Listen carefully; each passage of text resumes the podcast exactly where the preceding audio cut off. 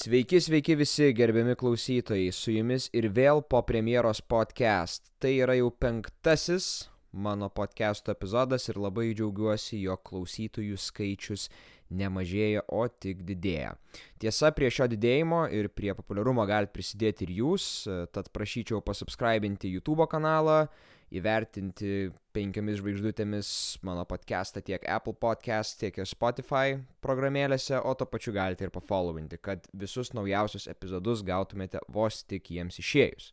Na, o šią savaitę apžvelgsiu naujausią režisieriaus Maiko Flanagano filmą pavadinimu Daktaras Miegas arba Doctor Sleep. Tai yra filmas pastatytas pagal garsaus JAV rašytojo Stepheno Kingo romaną tuo pačiu pavadinimu ir tai yra oficialus tesinys to paties autoriaus knygos The Shining arba Švitėjimas.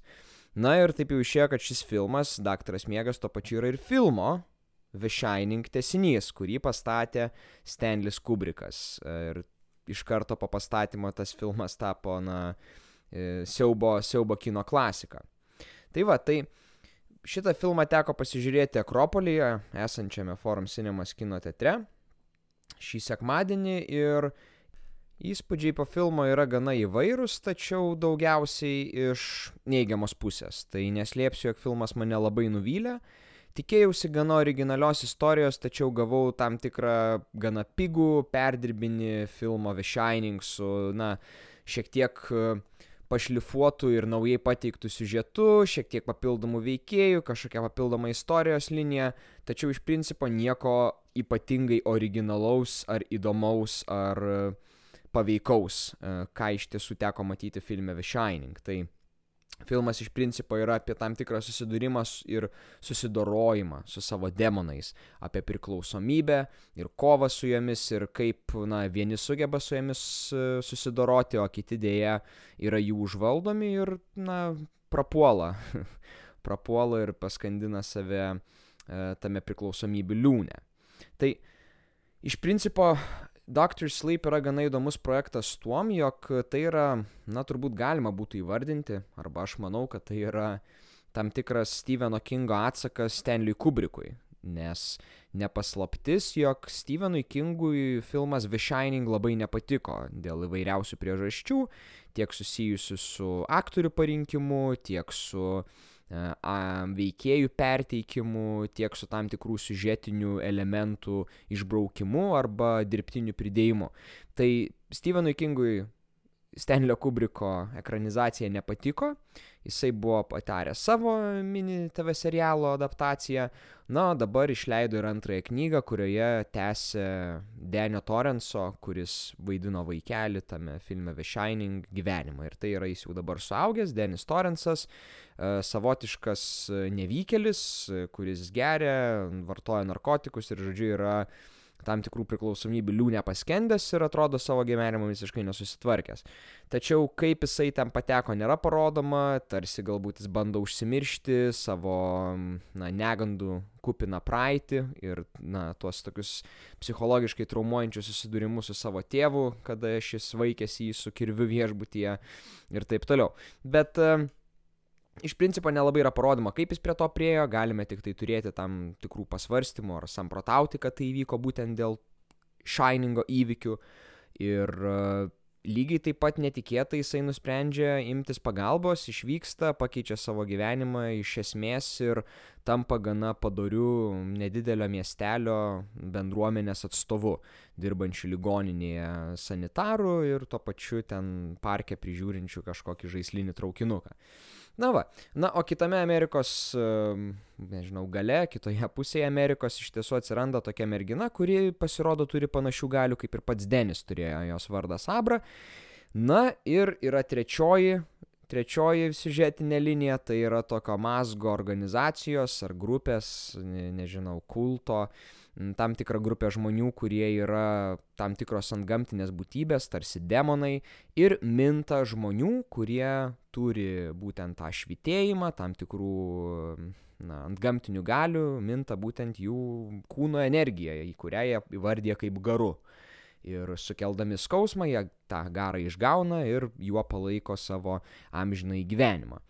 Na va ir filmo siužetas iš principo užsiveda iš to, kad Abra, ta mergina jauna, pradeda bendrauti su Deniu, kuris, na, jau yra susitvarkęs gyvenimą ir tuo pačiu jinai pradeda matyti, susidurti ir sekti tą organizaciją, kuri yra atsakinga už ne vieno vaiko JAV dingimą. Ir, na, šie ją pajunta ir šie susigundo jos galiomis ir tą tuo garu, kurį jinai gali jiems suteikti, gyvy, tuo gyvybės eliksyrų, eliksyrų ir pradeda ją medžioti ir tada Denis yra norom nenorom, bet įtraukiamas į tam tikrą e, tokio sargo vaidmenį ir visas filmas realiai ir sukasi apie tai, kaip jisai bando išgelbėti tą mažą mergaitę nuo tikrai, tikrai nepavydėtino likimo.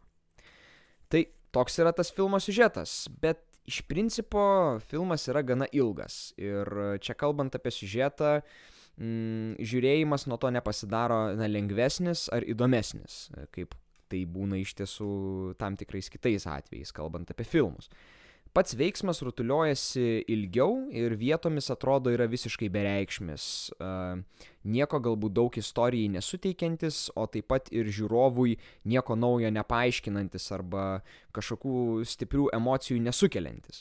Uh, daugiau laiko praleidžiama sekant Denio gyvenimą, uh, tokių truputį detalių įterpiama, kurios yra neįtin reikšmingos ir, kaip jau minėjau, tiesiog visas siužetas perpildytas tokių dalimis bereikšmių, dalinai gana netiek nuvalkėtų, kiek bereikalingų scenų ir niuansų, kurie, na, nei turi daug, nei, nei turi kažkokį reikšmingą atspalvį siužete, nei palieka kažkokio įsimintinumo žiūrovui, o to pačiu pačiam siužeto vedimui į priekį, jo vystimui, na, prasmės ne visada ir turi labai didelės. E, tai žinoma gali būti surišta su to, kad tai yra aš asmeniškai knygos neskaičiau, tačiau storesnės knygos ekranizacija, daug detalių, kurias visas reikia vienaip ar kitaip apžvelgti ir, na, turbūt režisierius Maikas Flanaganas, kuris to pačiu yra rašytojas, e, tiesiog galvojo, jog būtų geriausia, na, bandyti viską daugiau ar mažiau po truputį apčiuopti, kas, na, ne visada gaunasi labai protinga. Ir būtent e, Stanley Kubrickas tą darydamas The Shining to ir išvengė ir padarė jį savaip, dėl ko jisai kino prasme buvo tikrai puikus kūrinys ir dėl ko galbūt ne visai patiko Stevenui Kingui. Tačiau filmas be to turi problemą, jog pradžioje filmo yra vystoma viena tarsi istorija, o vėliau siužetas ima koncentruotis nebe į tuos veikėjus, kuriuos jisai pradžioje e, nurodė kaip itin svarbius. Arba tos problemos, su kuriamis turėjo susidoroti veikėjai, buvo pastumtos į šoną ir e, atrodė, kad filmo ypatingai einant į galą, E, atsirado filme antroji dalis, e, kuri buvo visiškai nesusijusi su pirmąja ir buvo tokia paralelinė ir daugiau skirta tarsi prisiminti filmą The Shining ir The Shining įvykius. Kas mane iš tiesų nuvylė būtent todėl, kad e, tai Doctor Sleep turėjo būti kitas filmas. Tai yra tesinys, natūralu, kad jisai turės uh, tam tikrų elementų iš pirmojo filmo, iš pirmosios knygos, tačiau uh, įeinant puikiai į mano kitą temą, tai yra vizualinę filmo dalį, matau, jog uh, filme Doctor Sleep buvo perdėto referavimo, perdėto nurodymo į filmą The Shining. Tai iš principo e, tiek kadruotės, tiek ir smulkios detalės ar net ištisos scenos, na, buvo identiškos, buvo bandomos padaryti taip arba atkurti, atkartoti, kokios jos buvo Shining'e.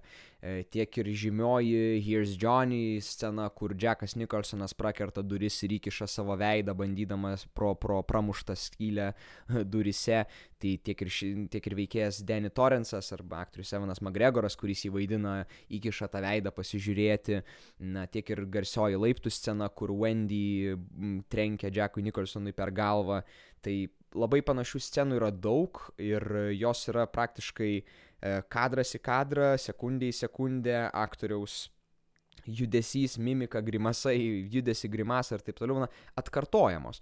Kas verčia klausti, ar tai yra tai būtina, tai Daktaras Miegas turėjo būti tesinys, kitas režisierius, uh, kitas siužetas, kuris, na, žinoma, turi apeliuoti ir į ankstesnį kūrinį, tačiau neturi būti visiškas jo perdirbinis ir kažkoksai e, implementatorius, e, na, neturėtų implementuoti tų de konkrečių detalių į naująjį filmą. Tai turi būti originalus kūrinys, kuris, na, e, tą tokį ryšį atrodo, kad kūrė ir testinumą su The Shining, kas visiškai sunaikino turbūt aluzijas į bet kokį tai, na, Doctor Sleep unikalumą to unikalumo trūko ir tai turbūt buvo didžiausia režisieriaus klaida, kad jis nusprendė kurti ne išskirtinį ir originalų filmą pagal save ir savo viziją, tačiau bandė atliepti tiek Stepheno Kingo viziją pagal knygą, tiek ir Stanlio Kubriko e, viziją. Arba tiksliau pagerbti Stanlio Kubriko indėlį į filmą The Shining ir tą jo viziją.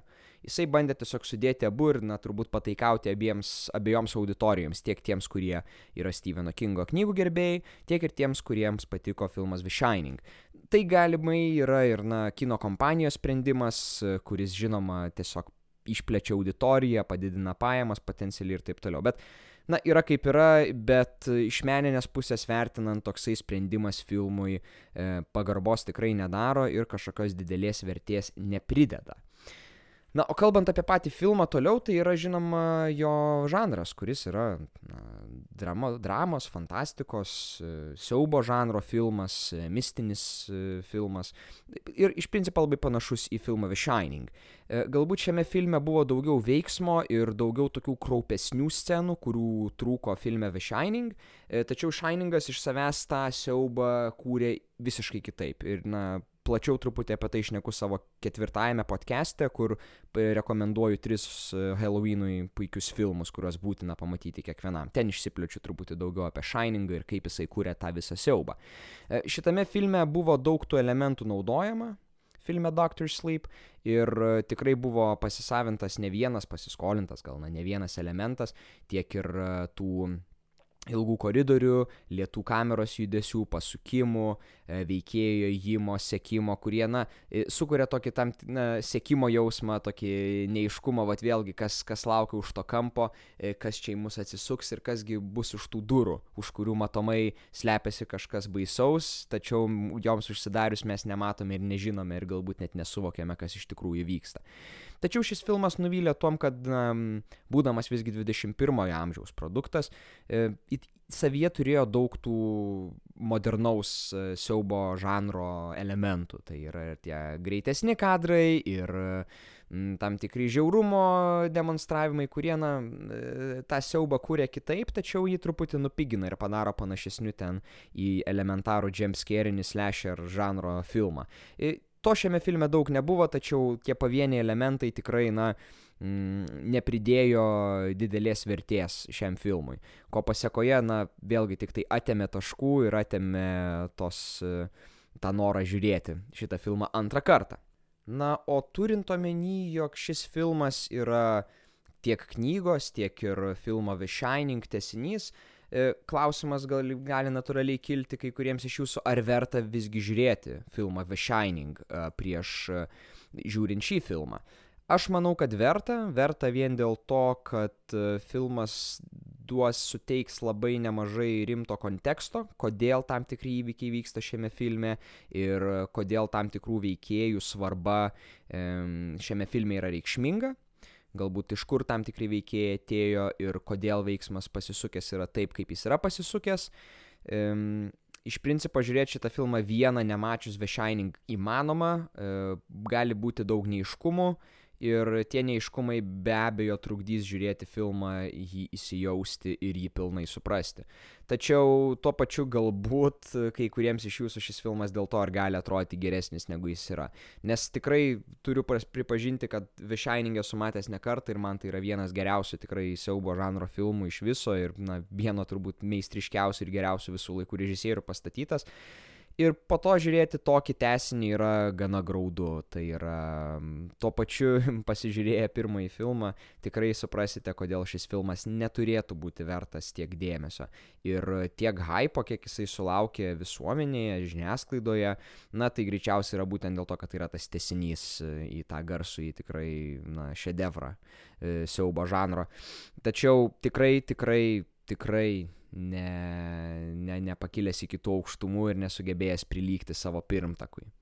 Tai va tiek iš tiesų yra tokios mintis būtent apie Doctor Sleep, būtinai prieš eidami pasižiūrėkite The Shining, o šiaip tai filmas yra apie kovą su savo demonais, apie kovą su priklausomybėmis. Tai yra originalus filmas, tačiau problema ta, kad jis per dažnai užsižaidžia nuorodomis į filmą The Shining. Ir tas nuolatinis minėjimas ir sąsajų vaizdavimas pavogė iš filmo jo unikalumą. Paverčia jį daugiau pataikavimu Kubrikui, adoracija Kubriko m, vykdytiems, pritaikytiems vizualiniams, siužetiniams sprendimams ir pavogė visą originalumą iš produkto, iš šio filmo, kurio panašu režisierius nesugebėjo nei sukurti, nei galbūt tą visgi sukurtą variantą kažkaip išryškinti ir parodyti jį kaip kažką originalaus. Tada rekomenduoju žiūrėti filmą Doctor Sleep, greičiausiai ne ir savo laiką tikrai, manau, žymiai prasmingiau ir reikšmingiau praleisite šią savaitę vis dar vykstančiame Skanoramos kino festivalyje, kuris tikrai per, pagal mano peržiūrėtą jų na, kalendorių ir programą filmų programą, tai turi ne vieną stiprų ir gerą ir jūsų dėmesio tikrai vertą filmą. O apie juos plačiau pakalbėsiu kitame savo podcast'e, e, festivaliui pasibaigus ir turėsiu tikrai savo minčių ir rekomendacijų apie tai, kas man labiausiai patiko, kas galbūt nuvylė ir ką jums vertėtų pasižiūrėti.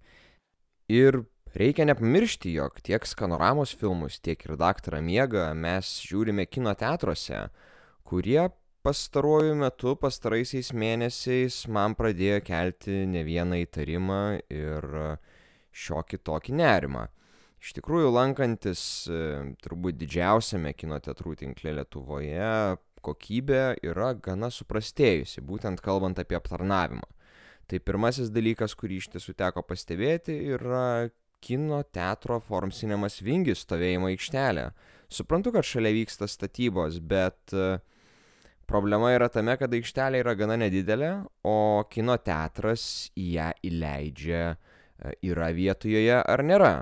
Taigi labai dažnai gaunasi situacija ir pačiam teko į, tai pakliū, į tokią pakliūti, kad įleistas į stovėjimo aikštelę vietų tenais neradau, nes paprasčiausiai jų nebuvo, kaip ir dar keli kokie šeši ar septyni žmonės įvažiavo ir vietų nerado.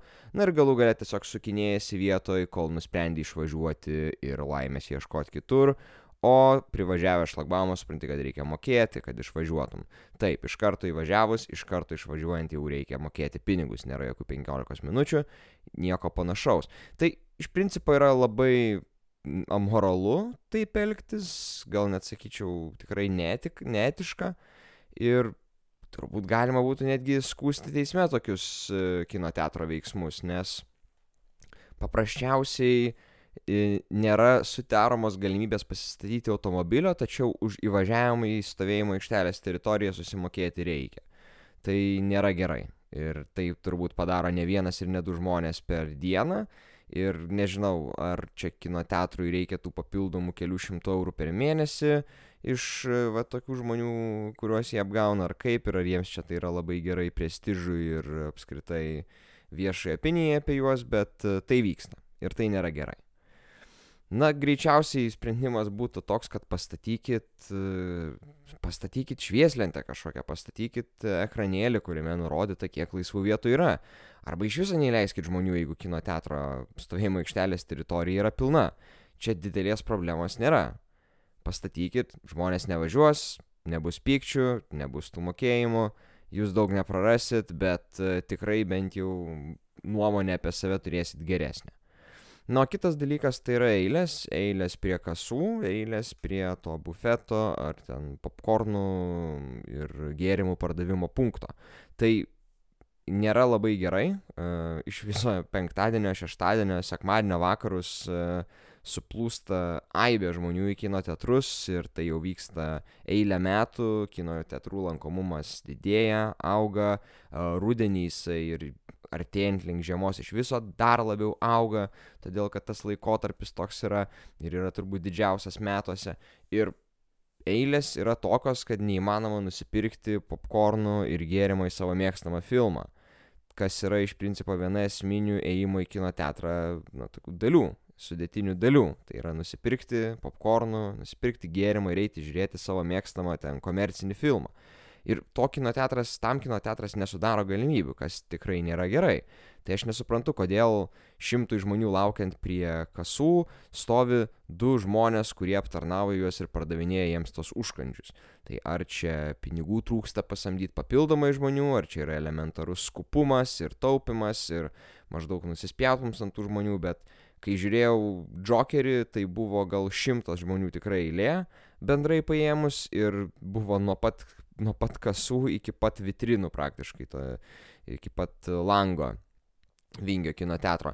Ir toje eilėje pusė žmonių tiesiog neišbuvo, nes prasidėjo filmas ir jie tiesiog nenorėjo praleisti nei kiek daugiau laiko, todėl tiesiog pusė žmonių išėjo ir manau, kino teatras nuo to patyrė nuostolių tam tikrų tuo, tuo momentu.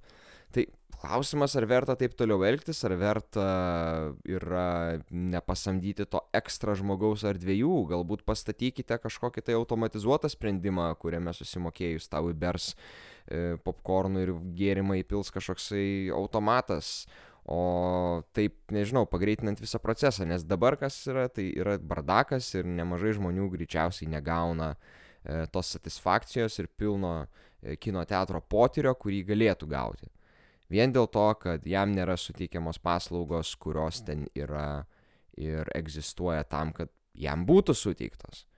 Tai va. Tai tokią išvelgiu problemą, manau, tvarkykitės, nes e, tikrai, žinokit, Forum Cinemas yra konkurencijos ir jos ateina daugiau, kaip suprantu, Apollo kino teatras atsidarys Vilniuje ir Pasakos kino teatras dar vienas atsidaro, tad tikrai kokybiškų uh, kokybiškų naujų kino teatrų atsiras ne vienas ir ne du ir, na, žmonės gali paprasčiausiai pradėti vaikščioti tenai. Tad čia nėra nei šantažas, nei ką, tiesiog sakau, kaip susirūpinęs klientas dažnai besilankantis kino teatruose, pažiūriu vieną kitą kritikos šlakelį. Tai tiek šiam kartui, gerbimi klausytojai. Tikiuosi, jog sugrįšite pasiklausyti ir ateinančių mano podcastų, o jų galite pasiklausyti tiek Apple Podcasts, tiek Spotify programėlėse, kur labai rekomenduoju mano podcastą po premjeros ir užsiprenumeruoti. Taip pat galite grįžti su savo klausimais ir komentarais apie epizodą mano Facebook'o paskyroje po premjeros Labai laukiu po šiuo podcastu taip pat pakomentuojančių žmonių, ar matė daktarą miegą, kokio, kokie yra būtent jūsų įspūdžiai, ar matėte Shiningą, ar jums patiko labiau Shiningą, ar manote, manote, kad tai yra tinkamas ir geras tesinys. Na, o aš savo nuožiūrą palinkėsiu jums žiūrėti gerus filmus ir susitiksime po premjeros.